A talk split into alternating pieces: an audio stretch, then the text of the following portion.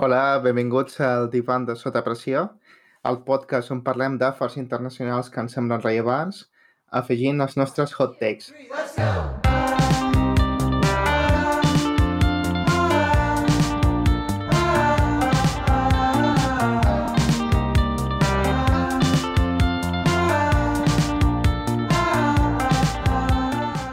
Jo sóc l'Alberto i amb mi estan en Joan, un gran tafanejador del uh, feed de l'Albert Santín.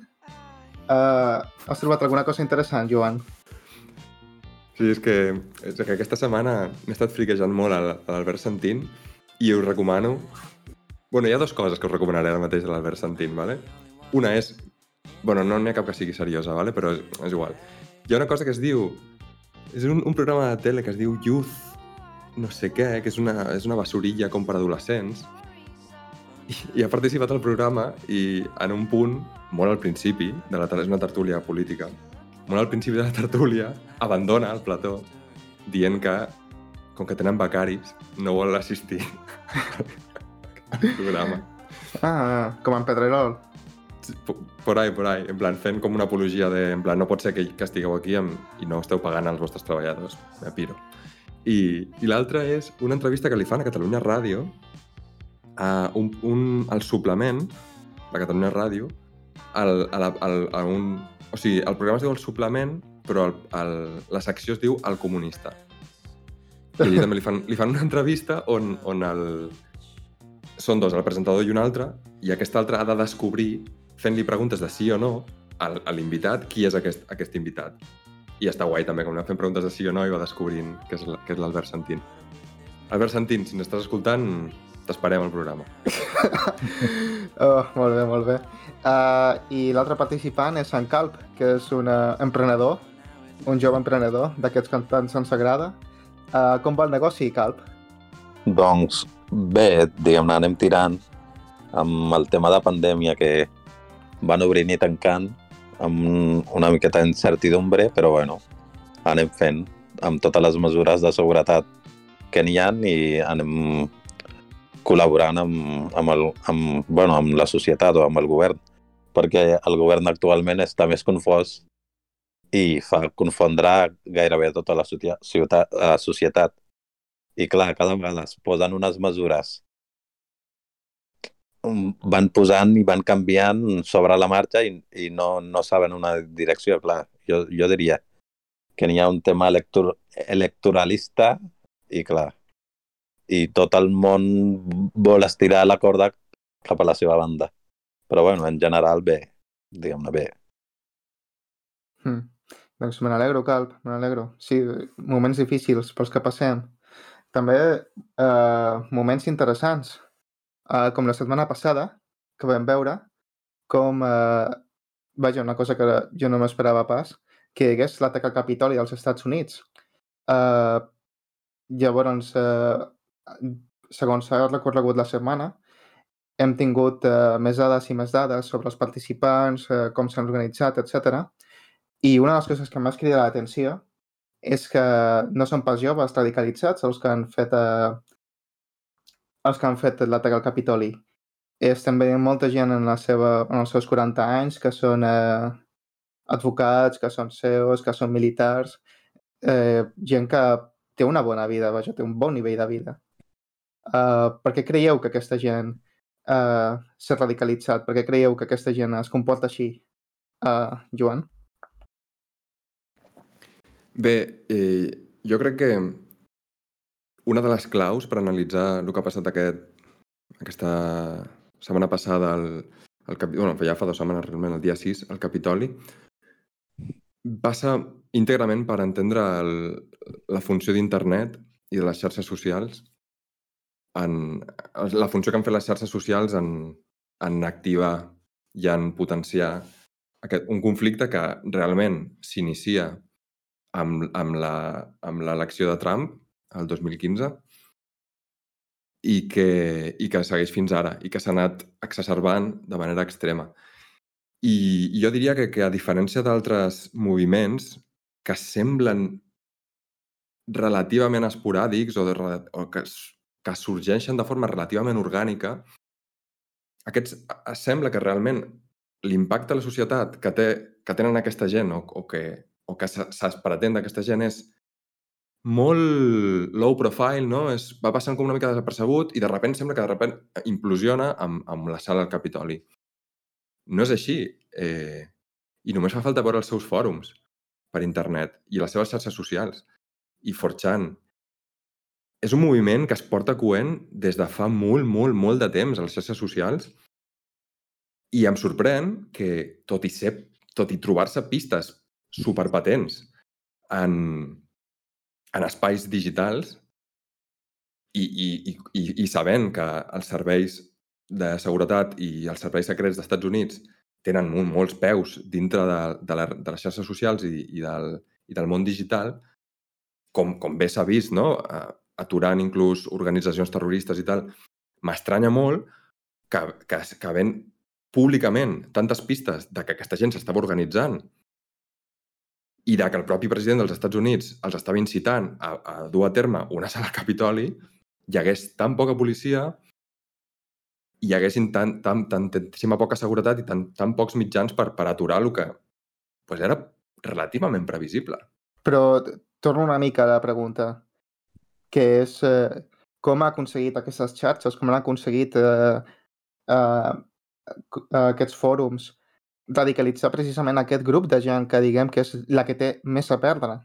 Jo, jo crec que altres atacs que van, van haver-hi realment, diguem-ne, històricament parlant, quan van haver-hi atacs en, per part de, dels britànics i des, després va haver-hi un altre atac, em sembla que van, van haver-hi quatre atacs més abans d'aquest, i aquest ha sigut, diguem-ne, a diferenciat de l'altres, el més diferent i més rellevant al nivell, nivell nacional, perquè no s'ha fet de fora i, clar, això va ser la gent radicalitzada, com, com diu Joan, molt bé, que va estar coent, coent fa temps, i clar, tot, des de 2015 va, va venir el Trump, però abans d'això, en el, el, quan governava Obama, també n'havia molta gent frustrada, sobretot on va haver-hi desindustrialització, va haver-hi en, en Estats Units. I clar, totes les empreses es van, van anar a, a Xina o a Bangladesh o a Índia, on havia, diguem-ne, mà d'obra era molt més barata i clar, aquesta gent era molt ben preparada, que treballava en, en indústria i clar, també n'hi havia molts enginyers amb tot, tot, tot, tot el perfil que n'havien. I clar, a poc a poc, aquesta gent s'ha anat frustrant i frustrant més i més més i clar, va arribar el Trump i van tenir molt més, molt més força i clar, havien trobat un ídol en, a la, en la figura de, del Trump que els representava molt bé i sabia on donar en el, en el punt que això provoqués. I clar, això no s'aturarà aquí i jo crec que això portarà cua i, i tindrem un, el capítol tindrem més capítol, capítols d'això i clar, i jo crec que n'hauran més atac i ara estan en una alerta brutal per dia, el dia 20 i esperem que tot sigui més pacífic però no és no s'assembla perquè la venda d'armaments també s'ha accelerat i també ni a les xarxes ja es veu que n'hi ha un moviment molt més organitzat i clar, amb, amb la censura a les xarxes socials la gent es, està molt més cremada i molt més enfadada. I clar, tindrà una reacció una reacció més forta, jo crec. I aviam què passa el dia 20.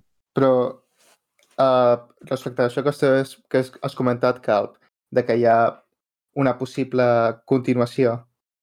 Uh, jo, per exemple, he vist les notícies, uh, recordarem tots les protestes de Black Lives Matter uh, de fa uns quants mesos, ben bé un any, uh, que s'estaven demanant penes molt, molt altes per coses uh, que eren uh, molt petites, com tirar pintura i trencar unes finestres, s'estava demanant presó de per vida.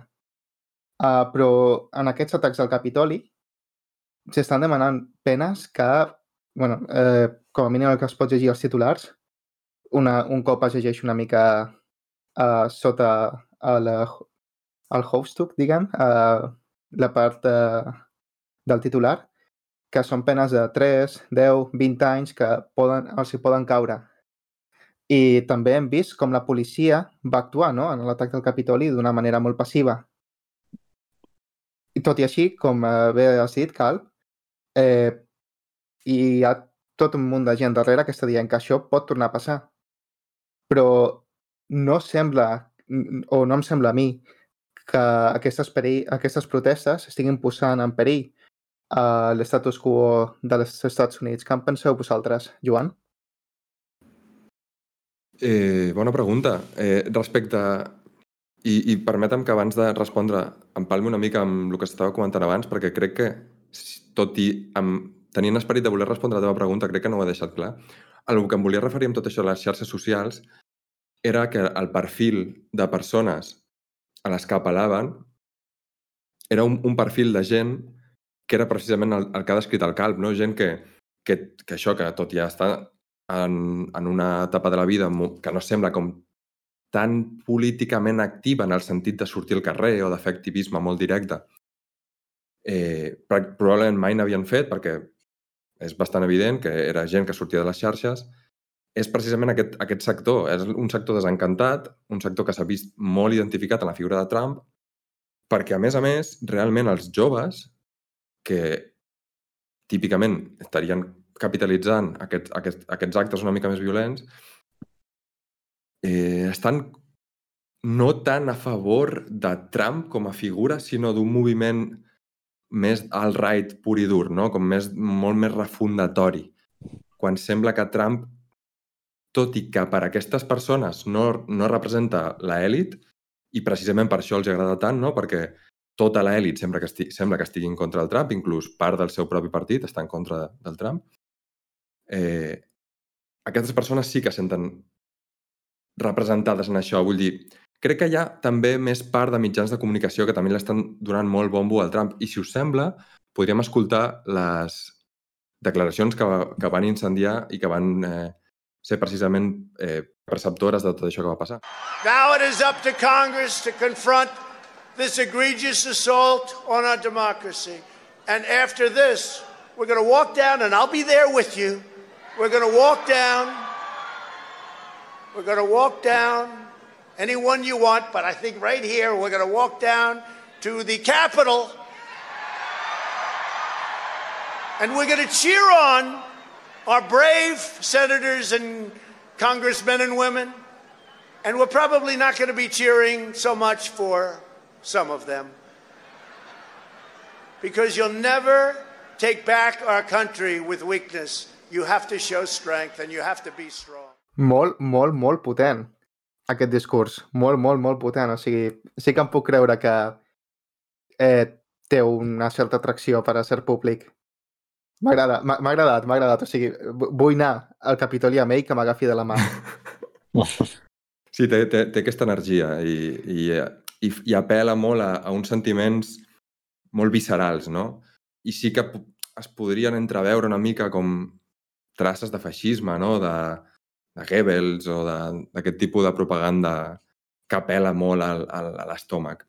I, I respecte a, lo, a, lo, a la pregunta que feies abans, eh, mm. comparant-la amb, amb tot el tema del Black Lives Matter i tal, que, que és potser la protesta popular més propera que tenim als Estats Units, la podem comparar, crec que era molt més transversal, aglutinava a gent més diversa, el qual sembla que li feia una mica més de por a les èlits, eh, en el sentit de que sí que sembla un moviment molt més popular. I, en canvi, el moviment en, en, en defensa de Trump, o no sé exactament què, què serien, perquè tampoc crec que siguin l'alt-right com a tal, perquè sembla que és gent que només s'està movent ara que Trump els està demanant que es moguin. No?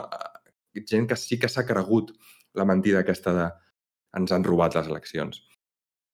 I, i, i tot i que no suposen, i com molt bé has dit tu, no suposen un atac directe al, a l'estatus quo, sí que suposen un atac directe als pressupostos teòrics i, i, i socials del, del Partit Demòcrata dels Estats Units. I crec que són els únics que realment els hi fa, els hi fa por eh, els hi fan por aquest tipus de, de posicions perquè realment és la cosa més propera que hi ha hagut des de la pròpia fundació dels Estats Units a un cop d'estat.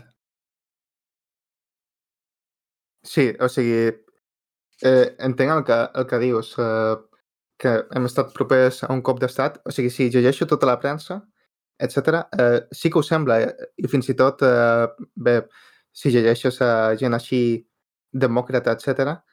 Però és que, sobretot, eh, dic això, és que eh, m'ha sobtat moltíssim veure com la policia tractava eh, gairebé eh, donant-li donant una, una abraçada als protestants i, no sé, no, no han sumat aquesta por, diguem, de cop d'estat, que sí que hi hauria com una diferència, no?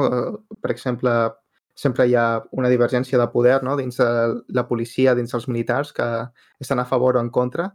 Aquí no, no, no he sentit res, és com un silenci i una parsimònia molt, eh, vaja, esparadora. Tu què en penses, Cal? Doncs perfectament, com, com tu dius, és que al cos de policia n'hi ha molta gent que se sent identificada amb el moviment trampista. I clar, al sentir identificats ja no atacaran els, la gent que, que hi va amb ell. Clar, en, en el cas de Black Lives Matters, el moviment Black Lives Matters anava en contra d'ells. Clar, anava contra la violència policial.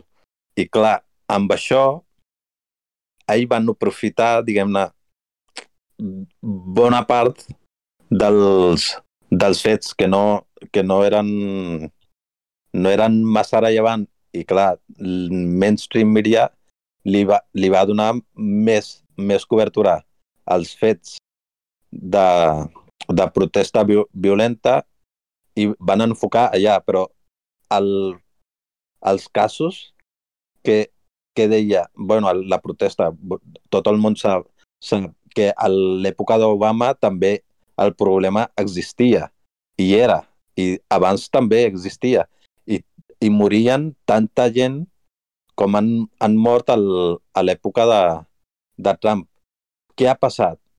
Que en el, amb, el, amb l'arribada de Trump, molta policia s'ha sentit identificat amb el seu líder com tindrien més immunitat.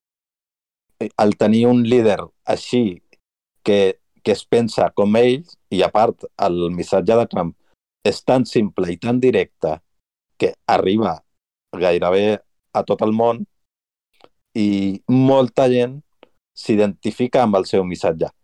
Al millor no, no s'identifiquen amb el personatge Trump, però el seu missatge és tan fàcil, tan creïble, que molta gent s'ho creu. I clar, al creure sorgeixen aquest, aquest, aquest moviment i, i la, la violència policia, i la, la, la policia, clar, no, va ser molt més passiva per aquesta raó, perquè no s'identificaven amb, el, amb, amb la gent que protestava. És com les protestes aquí a Catalunya. Aquí, d'ultradreta, la una actitud totalment diferent si, si han viscut totes les protestes aquí a Catalunya. I clar, sempre l'actitud canvia. Depèn de qui protesta, l'actitud de policia. Clar, això és degut que a les institucions policials n'hi ha molta gent que és més passiva quan hi ha una manifestació d'ultradreta. Inclús jo diria que està molt d'acord amb el que dius. No us sorprèn, la, a part de la passivitat de la, de la policia, no el fet de que no hi hagués policia? Jo crec que la resposta és que no s'ho esperaven.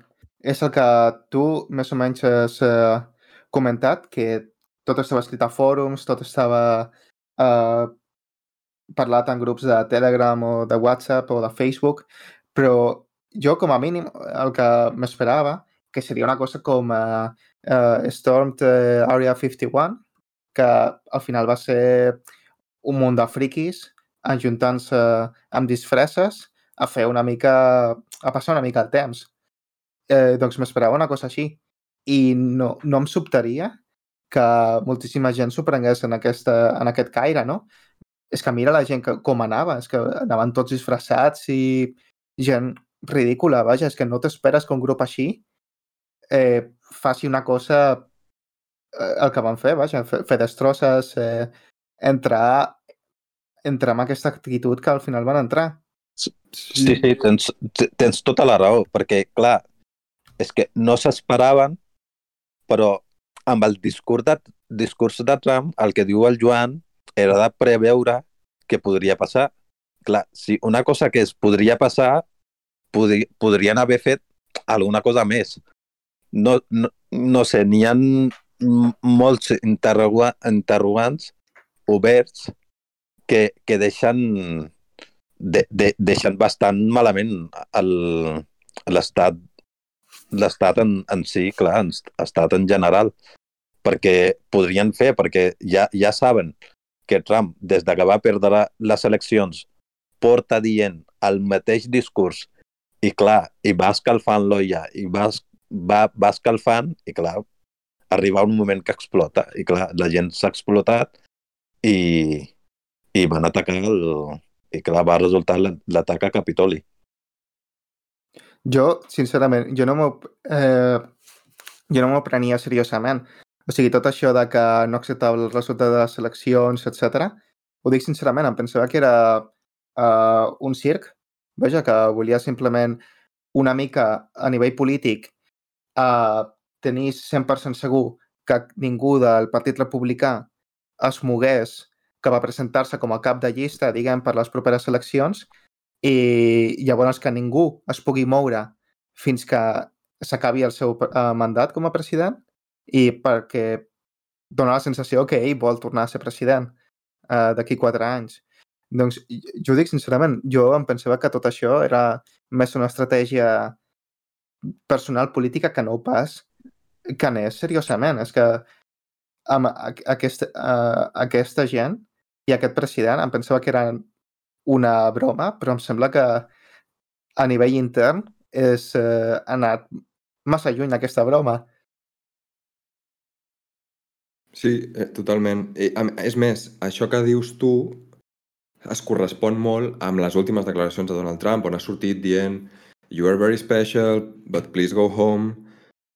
Eh, dient que no acceptava la violència en cap cas. Tal. És possible que també sigui perquè es vol cobrir les espatlles de cara a l'impeachment, que no sé com estarà la cosa, però estarà a punt d'acabar-se el termini. No sé com estan actualment les coses, però si al final acaba amb impeachment, no es podria presentar a unes...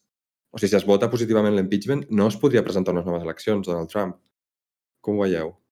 Sí, és, jo, jo crec que és cara a quatre anys que cara a que, a que a, els trumpistes, perquè, clar, en el Partit Republicà també n'hi ha un cert debat, molta gent el, és d'estat i que, que volen, volen moure fitxes només per guanyar, tenir el poder.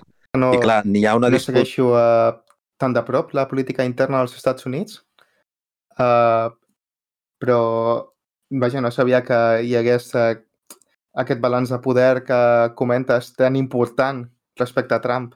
Sí, sí, ah. és que n'hi ha una part important que vol que continuï, perquè el Partit Republicà surt bastant beneficiat amb, el, amb el, tota la política del Trump si, si traiem la pandèmia, diguem, bueno, és difícil de treure, no? Si, si al mig no haguéssim tingut la pandèmia, el Trump hauria, hauria guanyat, diguem-ne, molt fàcil i amb molt més, amb molta majoria, clar, però al tenir pandèmia pel mig i la seva gestió ha fet que molta gent del seu, de les, del seu partit es torni en contra d'ells. Mm. Algun dia hauríem de, de parlar també d'aquesta gestió, que ha sigut eh, molt interessant, no? perquè és un dels pocs països on eh, es va, es va eh, resoldre aquesta crisi de la pandèmia, bé, no resoldre, sinó que qui la va voler resoldre va ser l'agència aquesta de, eh, com es diu, de seguretat nacional uh, bastant diferent a altres països. Uh, canviant de tema, però és una cosa que ja hem sentit, uh, que ja hem parlat, en aquests uh, escacs uh, 30 minuts, que és el paper que han tingut les plataformes uh, digitals. Una de les conseqüències que ha patit en Trump eh, i al seu eh, voltant per aquest atac al Capitoli ha sigut una censura massiva, massiva de tot el que és trump, trumpisme, eh, tant, a, tant a plataformes digitals com a serveis digitals, no? Uh, aquesta aplicació que es deia Parler, que jo no n'havia sentit a parlar, de fet, uh, però que feia servir uh, serveis webs uh, d'Amazon, ja no es pot fer servir, llavors s'ha caigut, no la deixen posar a l'App Store, no la deixen posar a la Apple Store. Uh, llavors, la meva pregunta és quin viatge segueixen aquestes empreses per, uh, per prendre aquestes menes de decisions a l'unison i en aquest moment. Joan? Sí, aquí hi ha, crec que un debat que, a part de polític, és profundament filosòfic, no? que és com qui hauria de tenir la potestat de censurar o deixar de censurar, no? On posem aquests límits? Qui posa aquests límits? Són les pròpies empreses a través de l'opinió popular? Són els estats legislant a nivell nacional? Jo, jo crec que és, és un debat complicat però clarament està tacat d'hipocresia extrema per part d'aquestes empreses tecnològiques. Perquè és evident que els missatges incendiaris, la polarització, etc etc que estava portant Trump com a flagship, no? la seva bandera, no era als Estats Units, era la de la crispació, era la de tirar gasolina, constantment, confrontant constantment, posant més polaritzada tot el seu sèquit de, de trumpistes, quan, quan cristal·litzen totes aquestes amb, amb una acció col·lectiva violenta, no ha sigut tècnica... bueno, han hagut cinc morts, no? No vull, no, vull, no vull dir que no sigui greu, però vaja, les protestes del Black Lives Matter va tenir molts més morts. I és, i és això que dic, és completament, és completament difícil d'entendre quan el Trump posa un tuit fa menys d'un any, o fa un any i escaig, acceptant que el, el Sàhara Occidental és part de, del Marroc. Aquestes declaracions, aquest tuit, desencadena de nou un conflicte latent molt lluny de les fronteres dels Estats Units. Però desencadena un conflicte violent, molt més violent que cap conflicte que s'hagi pogut desencadenar en els últims anys als Estats Units o dintre les seves fronteres, i això no és censurable. La mort de, totes, de tots aquests de, de, to, de tota aquesta gent al Sàhara Occidental, de gent que està disposada a morir per recuperar i per reclamar el seu territori, territori, això no és censurable perquè està lluny de les seves fronteres i perquè són, entenc que per a aquestes empreses, gent de segona, de tercera, de quarta, gent que la seva opinió no és popular, no, no fa tanta pressió popular com perquè la, la, el prestigi d'aquestes grans empreses tecnològiques es pugui veure atacat de sang, d'aquesta sang, de sang de, de tercera o de quarta. I això és, és molt trist i revela un fet que per tots és conegut, però que no per això menys important, que és la tremenda desigualtat que, que existeix entre, ja no, ja no tan sols entre la societat nord-americana, sinó entre el nord global i el sud global. El, el moment també uh, m'ha cridat l'atenció, no? que és, diguem, quan ja sabem que en Trump ha perdut, uh, que ja sabem uh, com es diu, que hi haurà un canvi de règim, sí o sí. Uh, creus que això ha sigut un factor, Calp? Jo, jo crec que està tacada, la, la imatge de xarxes socials i els seus propietaris està tacada perquè el Facebook, o sigui, el Twitter, ja, ja hem vist l'escàndol que han, han fet amb, amb les dades de tots. I, de fet, ja venen les dades nostres. I, clar, per, per salvar la seva imatge, han fet que la gent es parli més del Trump que realment el, el motiu, el, el problema que tenim és de la privacitat. El, la, la privacitat cada vegada no en tenim. El monopoli que ha cre creat el Marc, el propietari de, de Facebook, amb Instagram i amb, amb WhatsApp i amb Facebook i ara vol interconnectar totes les plataformes, clar, a l'Europa no el deixen, però altres continents sí que es, es podrà fer. I, i, i la, la pregunta és, a quin punt pararem o pararan de tenir tant poder? De fet, no, no fa gaire que 58 estats de, d'Estats Units van denunciar que i van, van fer pressió de que, que vengui l'Instagram i que, que vengui dos, dos plataformes. Però què passa? Cada vegada tenen més poder i cada vegada són més hipòcrites. El problema és, ara el sortia més a compte censurar el Trump i, en canvi, totes les, totes les sèries de, dels problemes que han passat i to, tots els actes vandàlics que es fan no, mai han censurat a, a ningú.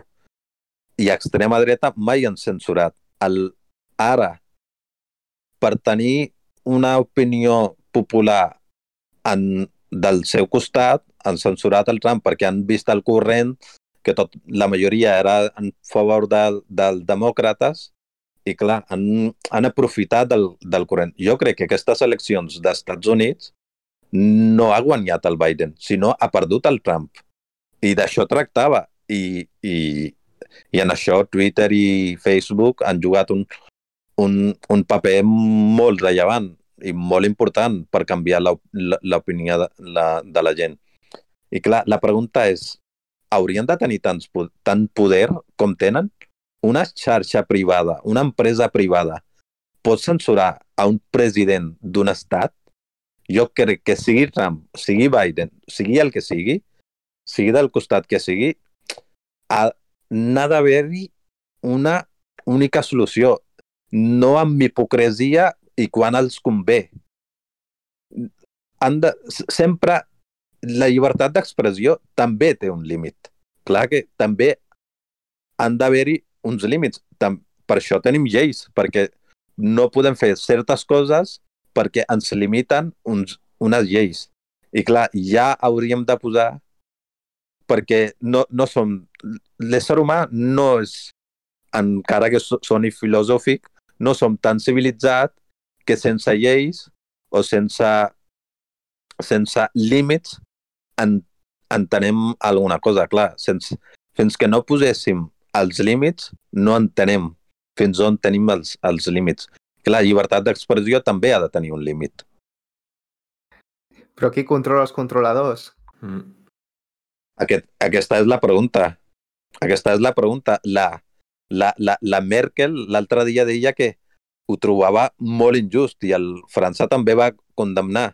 Però d'aquí no passen. El problema és d'aquí no passen. No legisl legislen. Perquè el Marc va influir al, a, la, a les eleccions. I, de fet, va, va acceptar el, el, el Consell Europeu que sí, sí que van vendre les dades i, clar, van tenir una influència important. Però què, què va passar? Van pagar una multa i ja està. Amb multa s'ha arreglat tot. Aquest és el problema, que amb els diners tot, tot s'arregla, no? De fet, eh, una mica en, el, en la línia que comentes, eh, que, que ho ha comentat Merkel i Macron, eh, sí que hi ha aquest debat, em sembla que és una finestra de debat, eh? no, no sé fins a quin punt eh, volen arribar, però és un tema de comunicació al final, no? Eh, com et comuniques tu amb la teva gent, per dir-ho d'una manera simple, no? Ara mateix el trumpisme no té allò que tenia, no? Un cap que pot comunicar amb els seus seguidors.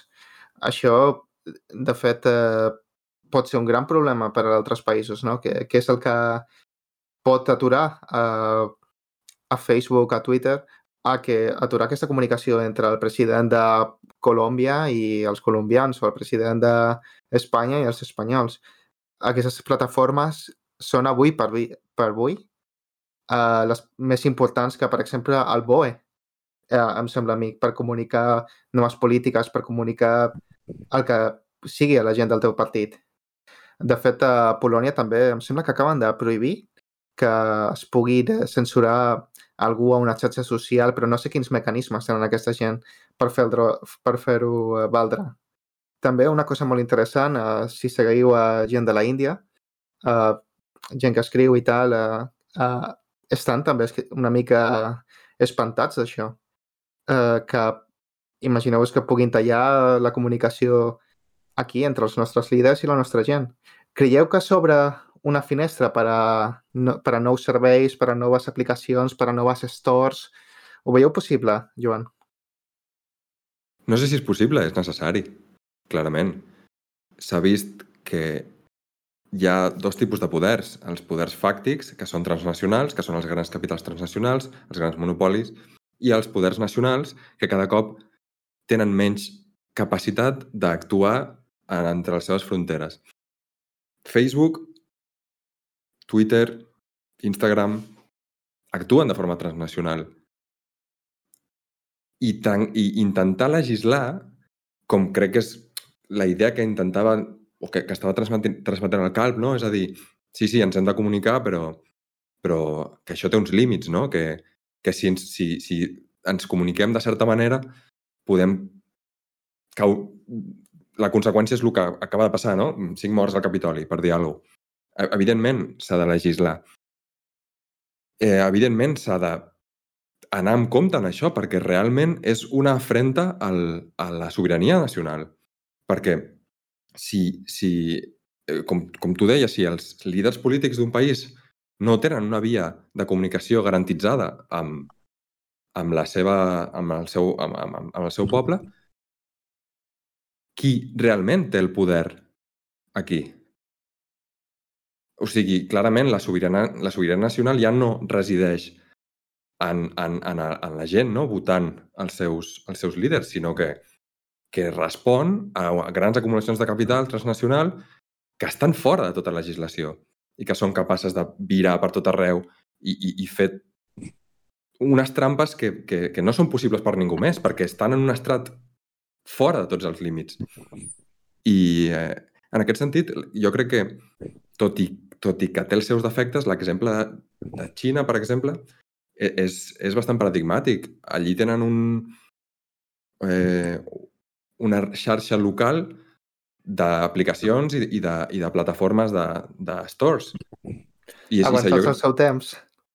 Exactament, sí, sí, perquè vull dir, les analitzes i no tenen res a envejar-li a les que ja existeixen actualment, no? O les, o les que són populars a l'oest. I, sí, eh... sí, però vull dir, vull dir, ho van preveure o, o, o ha sigut una casualitat això de... Va, van pensar conscientment com podem controlar la comunicació dins del nostre país i bé, i bé també finances, però mm. cre creus que va estar pensat o creus que és una cosa de casualitat? Bueno, crec, jo... crec, crec que té part de, de, les, de les dues, eh? eh, eh té, perquè clarament funciona de la mateixa manera pràcticament que funciona tota l'estructura social i política xinesa, no? És una, és, un, és una estructura bastant vertical on, on es dona molta preferència a, a les seves fronteres. I d'aquí també ve una mica l'èxit de la Xina, no? D'haver haver sigut capaç de, de ella soleta, entre cometes, no? Evidentment no ella sola, però, però sí, dintre de, de, la, de la seva forma de fer i de la seva política, organitzar la societat d'una forma que la catapulta. I els, aquest és un secret que no és tan secret, perquè també el coneixien als Estats Units no fa tant. Els Estats Units ha sigut típicament un país bastant proteccionista i crec que aquest tipus de polítiques van, van per aquí. Totalment d'acord, clar. És que Xina tenim... Clar, és que tenim avantatges i, i tenim inconvenients, clar. El problema és fins a on estem preparats perdre la privacitat o guanyar la privacitat. Aquí ja a Europa tenim un, o a Europa, al món occidental, tenim un concepte de privacitat que ens han, han ficat al cap que tenim privacitat respecte al, a la Xina, que, som, que tenim un model molt millor. I és tot el contrari, perquè ja rastrellen tota la informació, ja venen tota la informació nostra.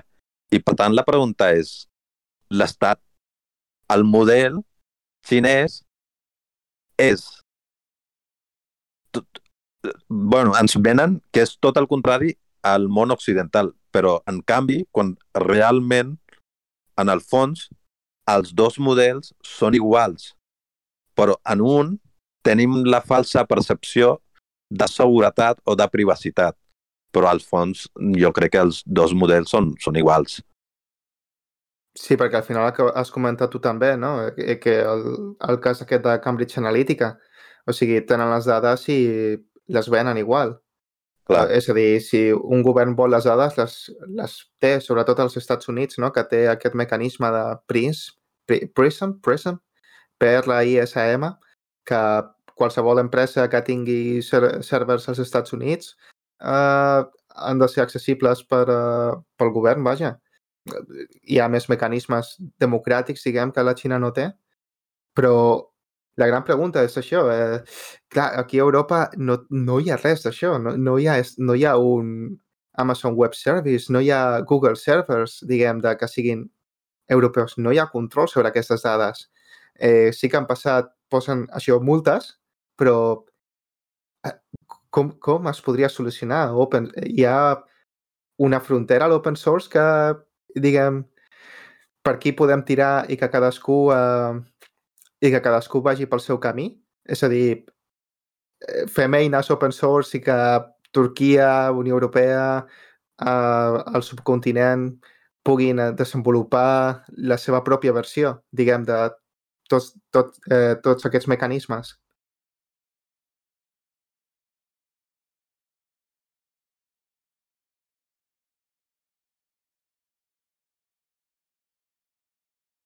Qui s'arrenca? Qui s'arrenca? Va, va, va, senyors.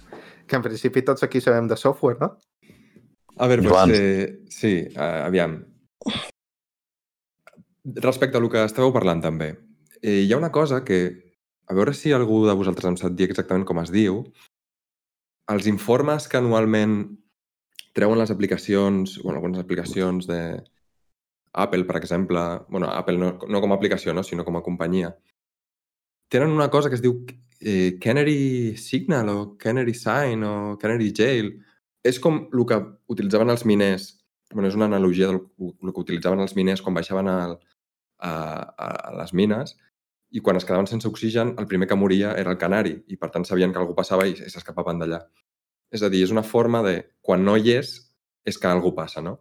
Llavors, ells posen a, a aquesta firma Canary no sé què i quan no hi és, significa que han estat eh, que, que, que, perquè quan als Estats Units, quan l'Agència de, de Seguretat Nacional demana a aquestes empreses que els hi doni tota la informació, que els hi doni accés als seus servers, que els doni accés a les, seves, a les converses dels seus usuaris, ells per llei no ho poden dir. No poden dir hem sigut reclamats pels, pel govern dels Estats Units. Llavors, el que fan és treure aquesta firma. I ja fa temps que, que les aplicacions d'Apple i bastantes aplicacions més, que hi ha un registre por ahí, que ja no tenen el, el Canary Signal, és a dir, que ja han sigut requerits pels Estats Units. És a dir, que aquesta sensació de privacitat, no? Aquest, valorar tantíssim aquesta privacitat individual, que no és res més que un reflex d'una societat profundament individualista, crec que xoca molt amb, amb la filosofia xinesa, que, que valoren molt més el col·lectiu sobre l'individu. I aquesta, aquesta també és una de les, dels, dels èxits de, del, del triomf o del gran avenç de, de la Xina. I, I el que estaves preguntant ara, Alberto, hi ha un exemple que és paradigmàtic, que és que no fa tant de temps a, a Venezuela el govern de, de Hugo Chávez va prohibir l'ús d'aplicacions de tercers a qualsevol institució venezolana eh, i van optar per utilitzar únicament eines d'open source. Al principi va ser una mica traumàtic, però eh, les últimes notícies que tinc és que, és que ha sigut tot un èxit i totes les institucions venezolanes utilitzen software eh, lliure. Llavors, bueno, no sé, eh, és una experiència. Per què no? Eh, a més, eh, també caminaria cap a cap a una concepció molt més col·lectiva de, de, la, de la propietat, el qual a mi em sembla estupendo. No... El que passa és que és això, ja ara mateix ja tan, existeix un poder tan gran d'aquestes aquest, empreses transnacionals que tenen una capacitat de màrqueting ja només. Vull dir, el, el simple fet de que, de que tothom estigui en aquestes aplicacions no és trivial. És que hi ha un esforç voluntari d'aquestes empreses perquè la gent estigui en aquestes aplicacions. I no sé si, si hi ha capacitat de, almenys sense intervenció eh, política, eh, a nivell europeu directament, o és que no sé, per, per, per fer que això tingui un viratge i, i ens puguem acostar a altres paradigmes. Però bueno, es podria començar per canviar tot el software de totes les institucions, perquè existeixen opcions d'open source per absolutament tots els programes típics de gestió i de, i de burocràcia, etc etc. Sí, sí, sí, eh, o sigui, si cerques alternatives open source, existeixen. El que passa és que normalment existeix eh, tot aquest ecosistema, no?, que fan aquestes multinacionals tan atractives no? que puguis, eh, per exemple, en eh, tantíssimes, tantíssimes webs eh, fer login només amb el Facebook o, vaja, que el WhatsApp sàpigues que tothom, tothom té WhatsApp, eh, ajuden, a, ajuden moltíssim. És, és que hauria de ser un esforç molt considerable. Jo, jo crec que a part de l'Índia i la Unió Europea, pocs es podrien marcar un Xina, diguem. Tu jo, penses, jo, Calp? Jo, jo, jo crec que és molt i molt complicat arribat en aquest, aquest punt el poder que han adquirit aquest, aquestes plataformes.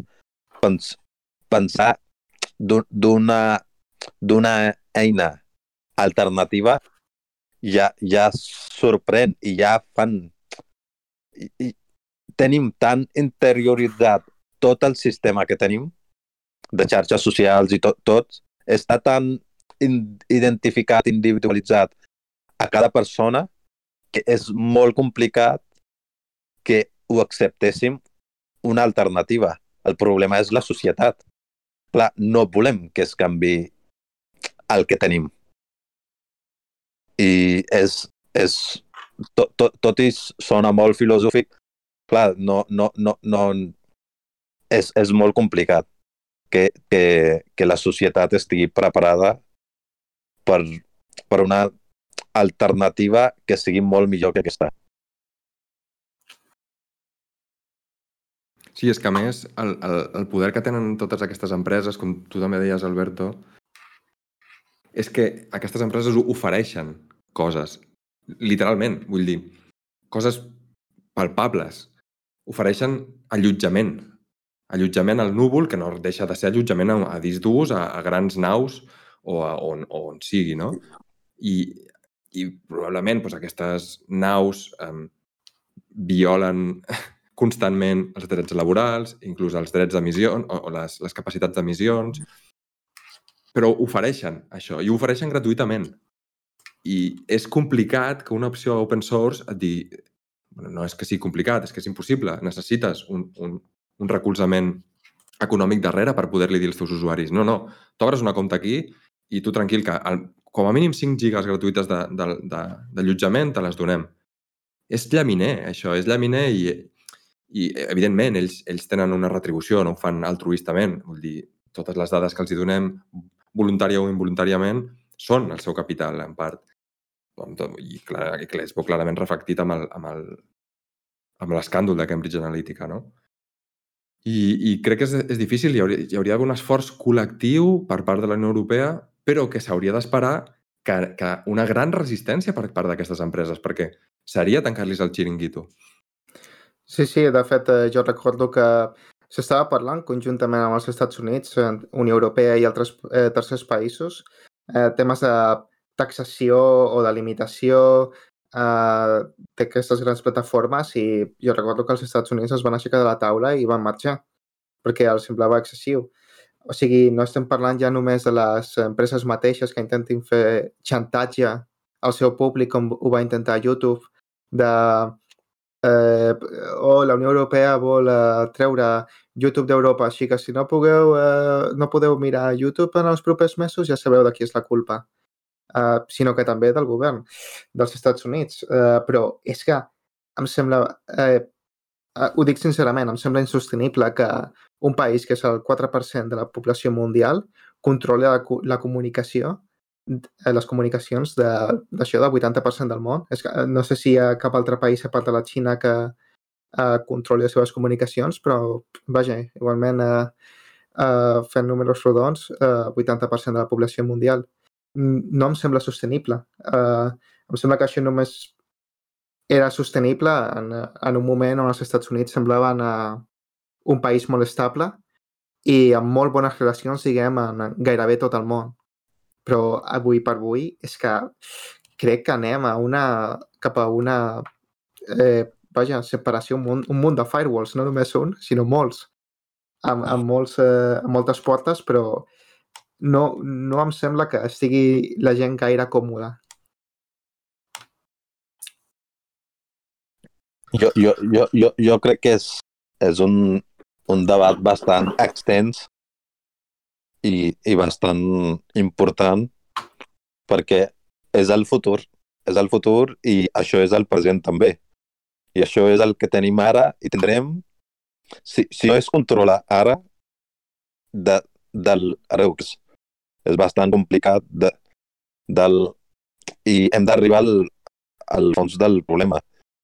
I clar, cada vegada és cada vegada que passi un temps, més poder entendran i més complicat tindrem de legislar-lo o controlar-lo o sigui com sigui. I cada vegada serà, tindran més poder. És el, com tu dius, quan van dir van, van, van proposar de, de, de, de posar més impostos al, al YouTube, van dir, bueno, ens marxem. És que ho fan d'una forma sarcàstica ja, que tenen tants poder perquè saben que tot i que el govern vulgui fer, fer-los fora, la gent no els farà fora. Ja trobaran alternatives o n'haurà una altra manera de, de que ells estiguin vius sempre. I han, han, han fet tot el sistema aquest de xarxes socials i han aprofitat amb, clar, amb buits legals i amb tot. I en aquest hem, hem de treballar, bueno, els, els estats han de treballar i, i, i fer-lo possible. Sens dubte, eh, eh, sens dubte, és una tasca eh, de titans doncs eh, em sembla que ha estat eh, molt apassionant aquest eh, primer debat. Eh, és un, ha sigut una setmana que em sembla que serà recordada com a mínim eh, tema de fotografia. I bé, eh, teniu alguna cosa també a afegir? Jo només donar-vos les gràcies. Eh? Ha sigut super interessant i, i només ens hem quedat a la superfície realment. Jo, jo també, moltes gràcies i, i aviam, i, i a seguir parlar dels temes que realment ens importen i que ens afecten dia a dia. Un, un petonat a tothom i fins al proper programa. Adeu. Adeu, Adeu. Bona nit.